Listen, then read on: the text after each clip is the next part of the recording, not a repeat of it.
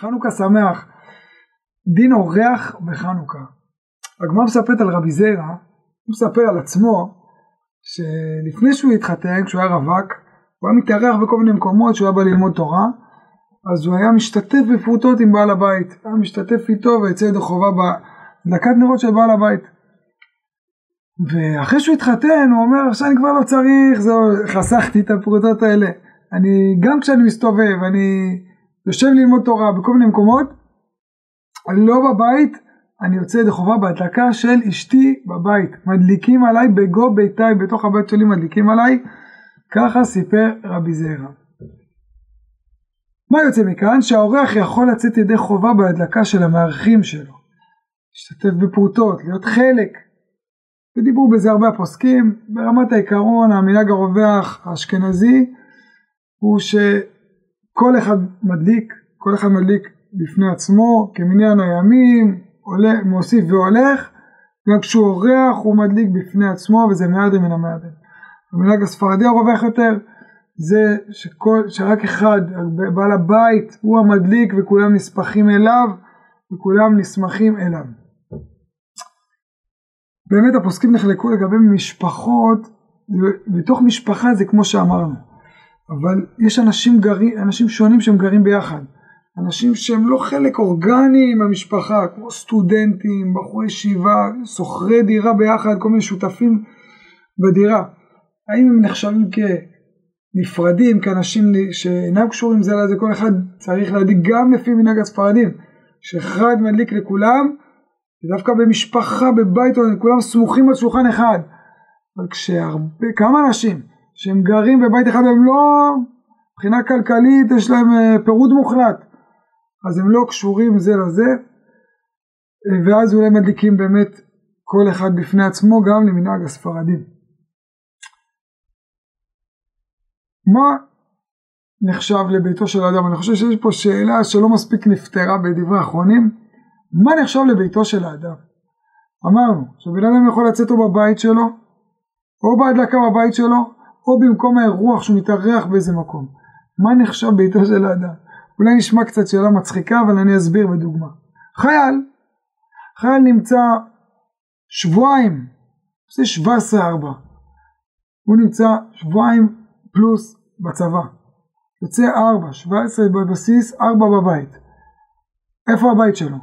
הבגדים, יש לו בגדים בצבא, יש לו כל, כל הדברים שלו, כל החפצים שלו, החברים שלו בצבא, הוא אוכל בצבא, ישן בצבא, הוא נמצא בבסיס. אז מה הבית שלו? חוזר לארבעה ימים, ששניים מהם הוא גם מסתובב אצל חברים, שם הבית שלו. מצד שני מה הבית שלו? בבסיס, איפה הבית שלו? בחורי ישיבה נמצאים שלושה שבועות בישיבה, יוצאים שבת שלישית, איפה הבית שלהם? יש להם פה חברים, אוכל, מיטלטלין, כל הדברים, הצרכים שלהם פה, וגם שגם שם יש להם, אה, כשהוא חולה הוא חוזר הביתה להורים, איפה הבית של הבן אדם?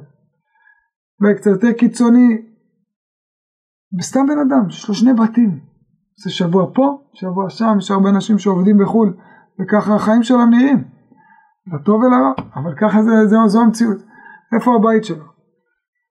שאלה עוד מעשית שנשאלה אה, בחור שרוצה לצאת ידי חובה בבית, שמדליקים עליו בגו ביתי, בגו ביתי כמו שאמר רבי זרע, אבל מה?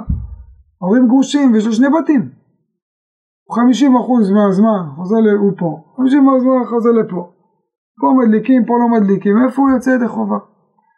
איפה הבית של הבן אדם? אני...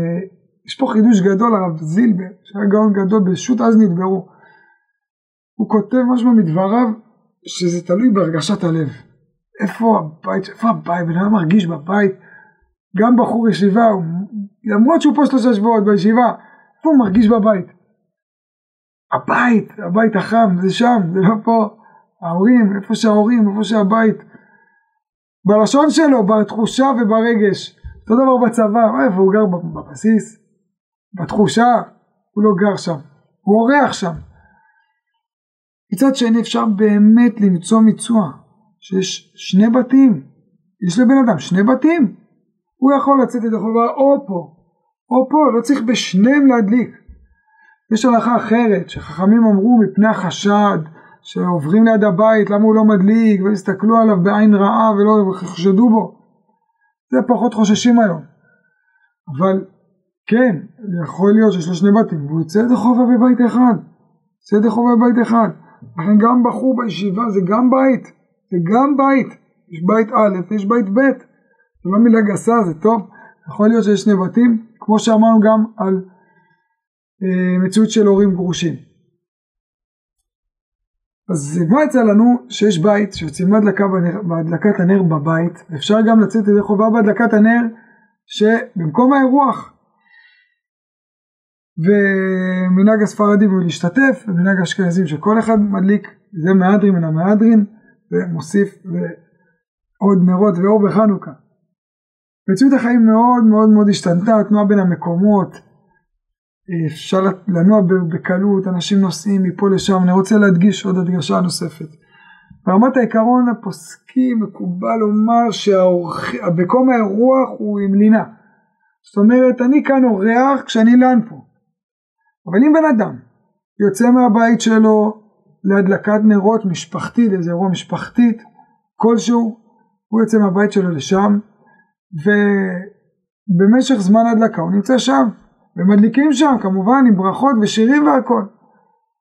אבל הוא לא נחשב אורח שם, גם להשתתף בפרוטות זה לא יעזור לו, ובטח אם הוא גם ידליק שם זה לא יעזור, זה לא הבית שלך, זה גם לא מקום אירוח, כי מקום אירוח זה משמעותי, הוא קבוע, הוא עם לינה, ואם בזמן השהות הזו נמצא שם, הוא לא יוצא לחוב, הוא צריך להדליק בבית, או לפני שהוא יוצא בזמן, ודיברנו על פלג המנחה, או אחרי שהוא חוזר הביתה 11, 12 אפילו באחד, לכשהוא יחזור, הכל כפי הצורך החשוב שבדבר.